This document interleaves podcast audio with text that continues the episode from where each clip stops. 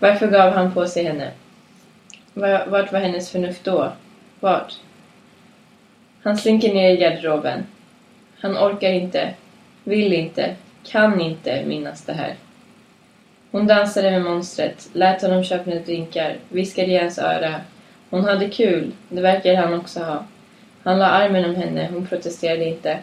De avundsjuka blickarna från männen lyste från ena änden av haket till det andra, där de två satt och skrattade. Ingen vågade gå emot honom, trots att han umgicks med stadens stolthet och snart skulle förstöra henne. Stället stängde vid två. Turturduvorna gick hemåt, ingen brydde sig längre. Monster skulle snart fördärva henne, han hade tagit sig den rätten. Mellan optikaffären och uraffären fanns en gränd, och i denna gränd började han röra henne på ställen hon inte var redo för. Hon sa snällt åt honom att det kanske gick för fort fram. Det var nog bäst att vänta tills hon var tillsammans lite längre i alla fall. Han ignorerade henne, drog ner kedjan på klänningen. Hon sa ett strängt nej, hon ville inte gå längre. Han skrattade bara och röt att, hon, att om hon inte ville gå så långt bör hon inte ha valt en urstillsen gumman.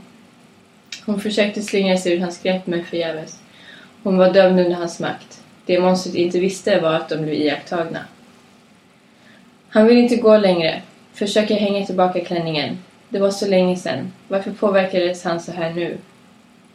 Han smög fram med ett järnrör i handen. Monstret hade fått tag på alla de värdiga kvinnorna i staden. Inte den här också.